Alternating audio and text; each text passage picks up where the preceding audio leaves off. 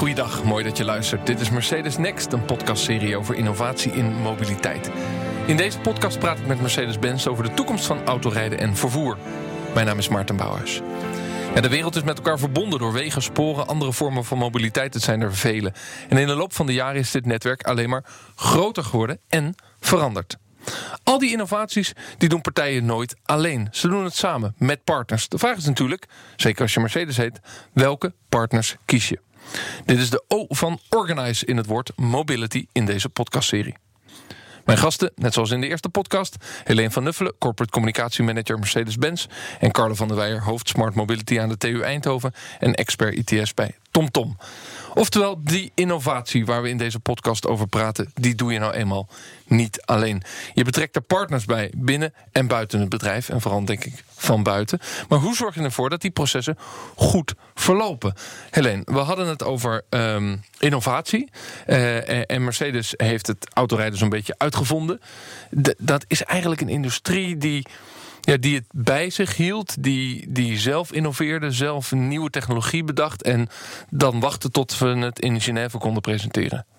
En de vraag is natuurlijk, hoe ga je in de nieuwe tijd, waarin veranderingen veel sneller gaan, met partners samenwerken, zodat jij als, uiteindelijk als Mercedes de beste en de slimste bent in die markt? Hoe hebben jullie dat georganiseerd?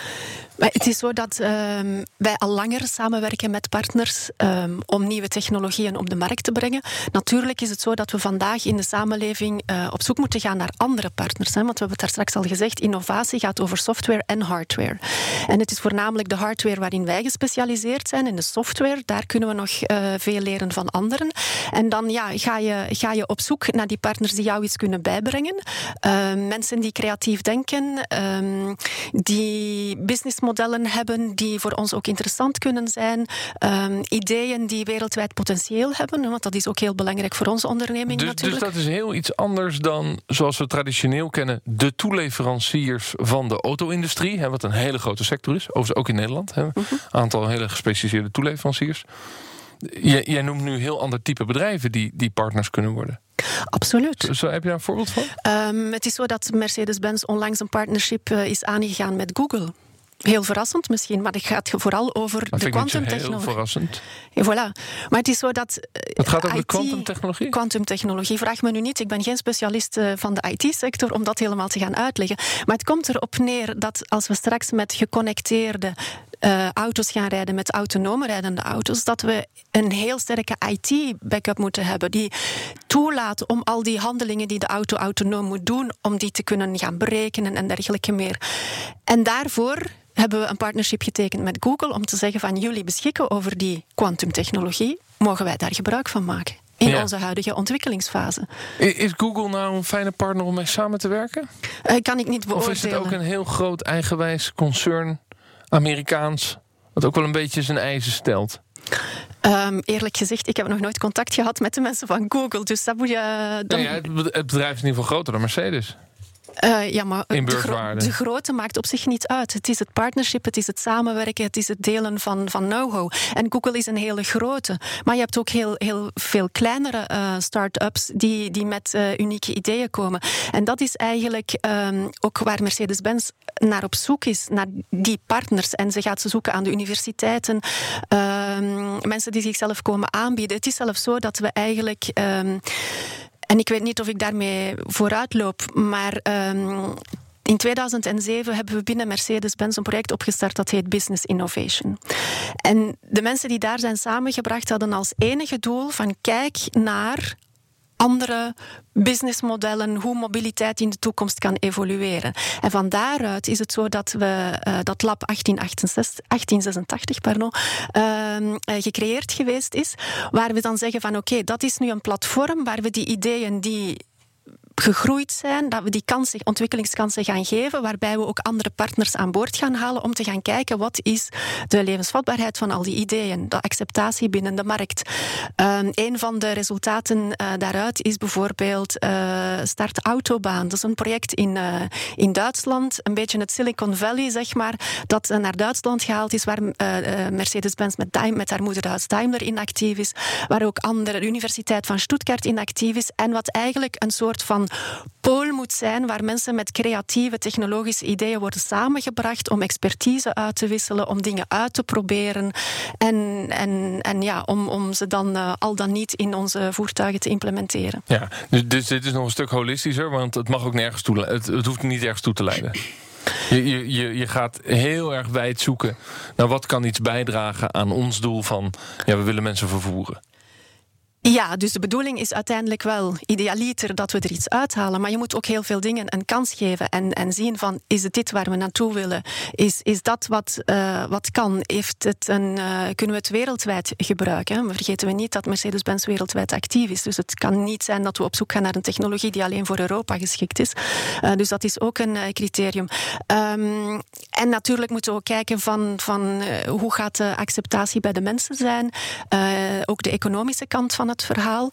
Um, ja, dus er zijn een hele hoop criteria die uiteindelijk, waar je uiteindelijk mee te maken hebt. Maar de, de kern is, jullie willen ook binnen Mercedes anders organiseren. Dat je een soort van, je hebt een lab opgebouwd. Dat je andere partners, uh, uh, zeg maar, uh, betrekt. Carlo, de vraag is natuurlijk, hoezeer is die toeleveranciersindustrie van de automobielindustrie aan het veranderen? Want die kennen we natuurlijk heel traditioneel, zoals Helen zegt, in de hardware. Ja, dat klopt. Het zijn van die hele vaste ketens die overigens in de laatste decennia ook ontzettend veranderd zijn. 50, 60 jaar geleden deed een automobielfabrikant alles zelf. En op een gegeven moment zijn ze inderdaad hun toeleveranciers zelfs ook uh, nou, uh, los gaan weken. Dat die ook voor anderen konden gaan werken. Dat was een veel beter model. En nu zie je enorm helemaal verdraden systemen van, van toeleveranciers. Dat is, dat is al heel lastig. Maar dat gaat alleen maar lastiger worden. Het, precies, je weet niet precies waar het naartoe gaat. Waar, waar, je dan mee werkt, is dat waarschijnlijk de doorbraak van morgen op jouw gebied, zo zeg ik het vaak, is een, is een heel raar idee van gisteren. Want dus wat we nu een raar idee vinden, kan best een doorbraak zijn. Het is helaas niet andersom dat elk raar idee ook een doorbraak wordt. Sterker nog, het is denk ik dat 99% van de rare ideeën inderdaad heel erg raar ideeën zijn. En hoe krijg je nou precies dat ene ding wat jou jouw markt helemaal gaat verstoren. Hoe krijg je daar nu zicht op? Hoe kun je die eruit pikken? Dat is bijna niet te voorspellen van tevoren. Dus dan moet je die markt heel goed in de gaten houden en heel snel met een paar van die kanshebbers gaan samenwerken. Ja, hebben we een andere markt of een andere innovatie waar je, waar je als voorbeeld eh, voor, voor wat jij nu uitlegt? Bijvoorbeeld dat, waar Uber mee gekomen is. Dat was echt een, eh, een raar idee. Wat, wat, dat heeft bijna niemand zien komen. Heeft de taxi-industrie niet zien komen. Uh, ik zeg ook niet maar dat de oplossing idee is. dat je een platform hebt wat op zichzelf geen taxis heeft? Precies. Dat, dat, dat, dat je gewoon alleen de vraag en antwoord heel goed gaat, aan elkaar gaat schakelen. En dat je even nergens iets van aantrekt van wat op dit moment de reguleringen voor taxis zijn. En ja, nu vinden we dat overigens een heel logisch idee. Maar toen, ja, toen Uber daarmee kwam, dat een raar idee. Dat iedereen kunnen verzinnen. En waarschijnlijk waren er van dat soort ideeën een stuk of honderd om dat beter te organiseren. En waarom is nou Uber en Lyft zijn dan twee voorbeelden die het wel geworden zijn. We zijn die anderen nou allemaal gebleven en die dan net iets anders waren. Dat is heel moeilijk van tevoren te voorspellen.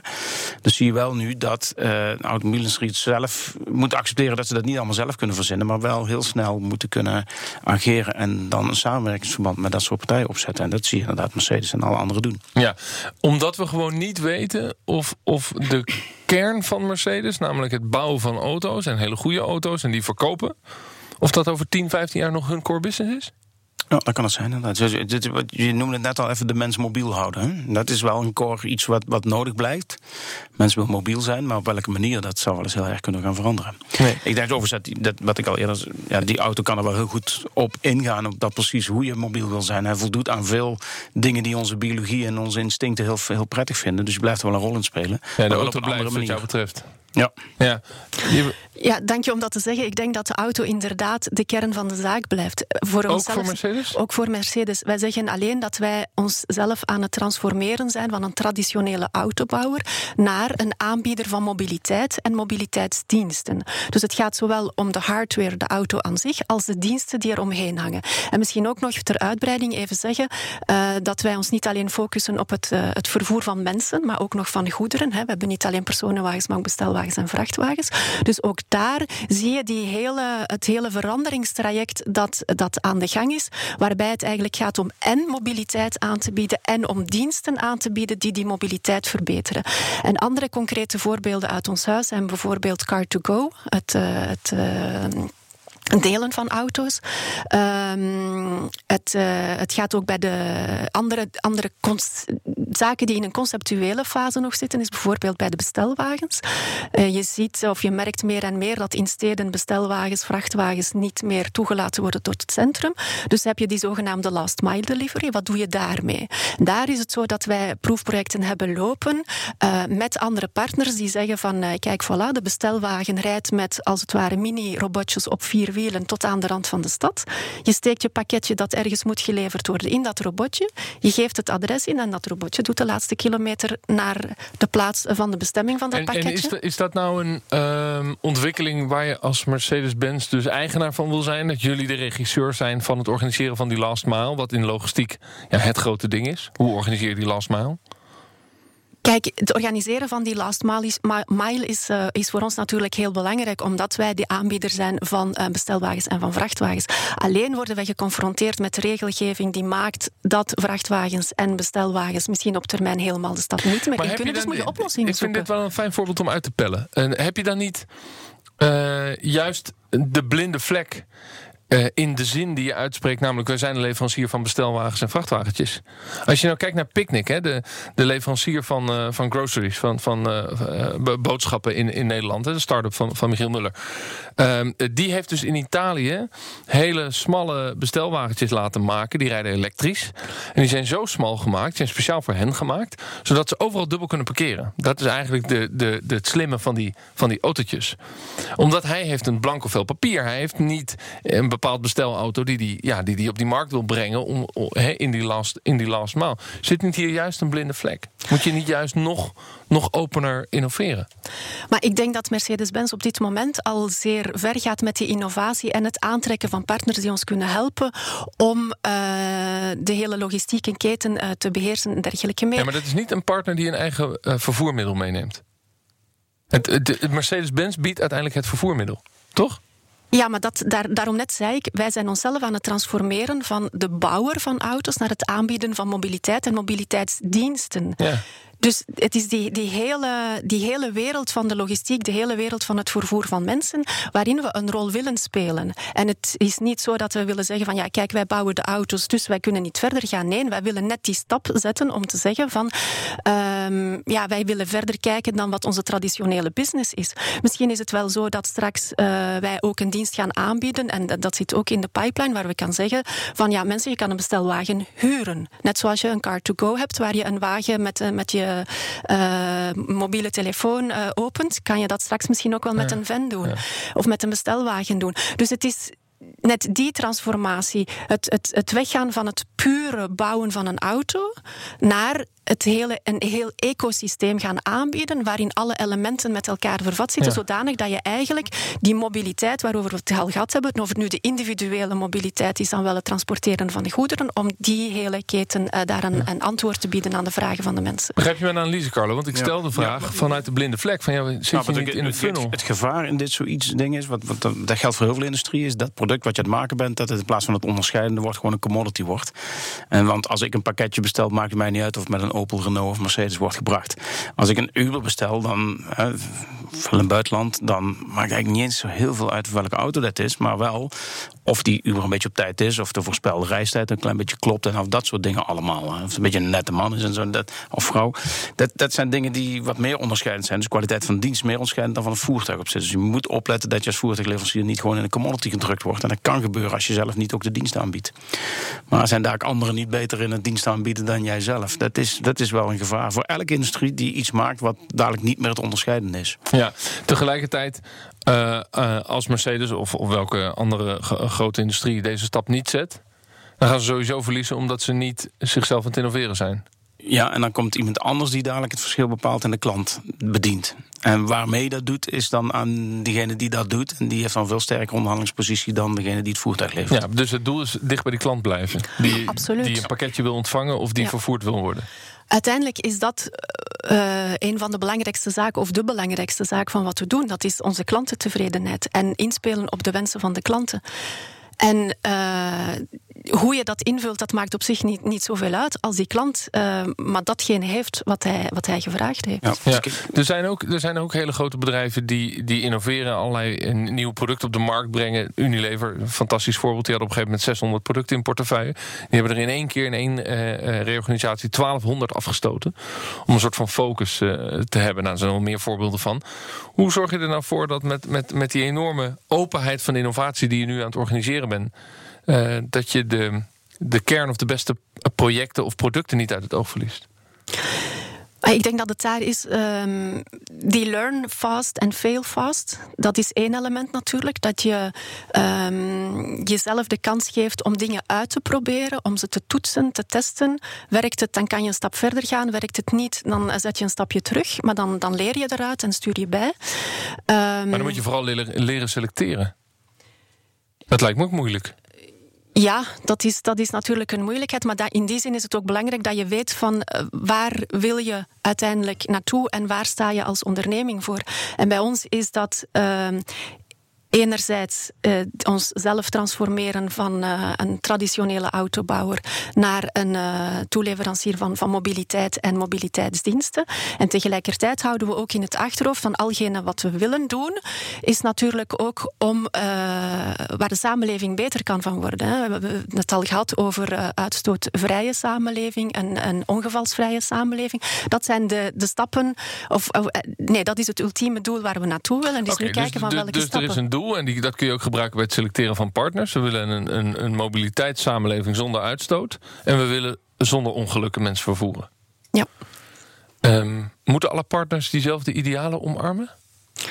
Maar ik denk dat het vooral voor de partners belangrijk is, of voor de partners die wij kiezen, belangrijk is dat zij met technologieën en met hun innovaties kunnen bijdragen tot het ultieme doel dat wij ons gesteld hebben. Ja, dan hoeven ze niet per definitie jullie ideaal te ontarmen, maar bijdragen bijdragen. Uh, want zoals je zegt, wij, vroeger deden we misschien alles alleen, maar dat is vandaag de dag niet meer mogelijk. Dus uh, zoek je partners die jou daarbij kunnen helpen. En elke partner draagt met een klein stukje bij tot het uiteindelijk ultieme doel van onze onderneming. Eh, vind je, is dat belangrijk, denk je, in innovatie, Carlo? Ja, dat, je als je partners selecteert, dat die hetzelfde hogere doel hebben? De mean transformative purpose wordt oh, genoemd, inderdaad. Ja, dat moet je hebben. Dat is veel belangrijker dan een strategie om te een doel te hebben en dan als mensen dat delen. En dat is inderdaad, zo'n zo doel is vooral bij het uitkiezen van werknemers, bij partners die je hebt en zo. Belangrijk. Dat is eigenlijk de enige manier dat je correspondeert. Of dat je, dat je, dat je wat je communiceert naar je partner. Want nou, dat, is, dat is het doel. En we willen graag horen hoe jullie dat mee gaan, uh, gaan bereiken. Dat, dat zie je steeds vaker naar voren komen dan dat je een of andere missie of visie gaat delen. Dat is eigenlijk, eigenlijk, wel, het is eigenlijk juist meer een missie dan een visie wat je gaat doen. En dat, dat is. Uh, ja, dat, dat, dat zie je steeds meer opkomen. Wat betreft die, die, die positie. Uh, wat, wat, wat, vroeger kenden de, de automobielfabrikant de klant het beste via hun dealernetwerk enzovoort. Dus die wisten precies wat die wilden. Tegenwoordig kan ik vanuit gaan dat Apple en Google mijn vervoersbehoeften veel beter kennen dan wie dan ook op dit moment. En dat is wel iets wat veranderd is. Aan de andere kant hebben daar ook de automobielfabrikanten in de toekomst wel een sterk perspectief. Want die auto zelf gaat daar misschien wel meer data opleveren dan Google en Apple kunnen genereren via hun platformen. Dus eh, daar zie je ook een kentering bij. Maar is dat een van de, van, de, van, van de strijden die nu gestreden wordt? Ja, dat is een van de wapens die je hebt, is dat je precies weet van hoe je klantje gaat, uh, gaat dragen. Nou, op dit moment weet Google en Apple dat beter. Ja. Ik denk dat daar de automobielindustrie ook wel eens terug zou kunnen slaan. Dat die auto zo verschrikkelijk veel data genereert. Dat is natuurlijk een hele discussie van wie die is. Ook een regel. Een van de redenen dat Google en Apple volgens mij ook met auto's bezig zijn, is dat ze die data wel willen hebben. En daar gaat daar een hele discussie uh, opleveren van nou, wat mag je er allemaal mee. En dat wordt nu niet zo heet gegeten, die hele privacy zoek. Maar ja, dat zijn wel dingen die ontzettend belangrijk gaan worden. Ja, dat maar goed, het mobieltje, of je commodity bent of dat je onderscheidend bent. Het mobieltje, waarom Google en Apple alles van mij weten, heb ik nu bij me. Ja. En die auto staat hier in de garage. En dan stap ik straks weer in. Ja. Maar toch zeg je van die auto heeft, gaat uiteindelijk meer of ander type data organiseren over mij als klant. Ja, ja, niet alleen over jou, maar ook over alles wat hij om zich heen ziet. En, en dat, is, dat wordt zo verschrikkelijk veel waardevol data. Dat is, uh, dat is niet, niet, niet te vergelijken met een mobieltje zelfs. Er zit zo verschrikkelijk veel meer rekenkracht in een auto. En dat gaat data opleveren die misschien nog wel belangrijker wordt dan, uh, dan heel de autoverkoop zelf. Ja, dus de nullen en ene, de data-industrie, digitalisering, dat is de belangrijkste lijn in het kiezen van nieuwe partners voor Mercedes. Bij digitalisering is één van de lijnen. Ehm, het is zo dat wij straks uh, autonome voertuigen willen hebben, zelfrijdende wagens. Dus daar is uh, technologie enorm belangrijk. Uh, connectiviteit, de auto die met andere auto's praat, maar ook met de verkeersinfrastructuur en dergelijke meer. En daar zitten natuurlijk allemaal data in. En in die zin treed, ik, treed ik jou bij om te zeggen van ehm, auto gaat straks een, een heel groot datacentrum zijn. Ja. Nou, bemoedigende gedachte. Dankjewel, Helen van Nuffelen, corporate communicatiemanager bij Mercedes... en Carlo van der Weijer, hoofd Smart Mobility aan de TU Eindhoven. En verbonden aan TomTom. Tom. In de volgende aflevering van deze podcastserie Mercedes Next... praat ik met mijn gasten over ja, keuzes maken, noemen we dat dan maar. Oftewel, je innoveert, maar wat zijn nou de meest veelbelovende projecten? En laten we daar dan de diepte in duiken... en kijken van welke projecten de auto-industrie daadwerkelijk gaan veranderen. Nou, deze aflevering staat al voor je klaar op de site van Mercedes. Mijn naam is Maarten Bouwers. Bedankt voor het luisteren. Dag!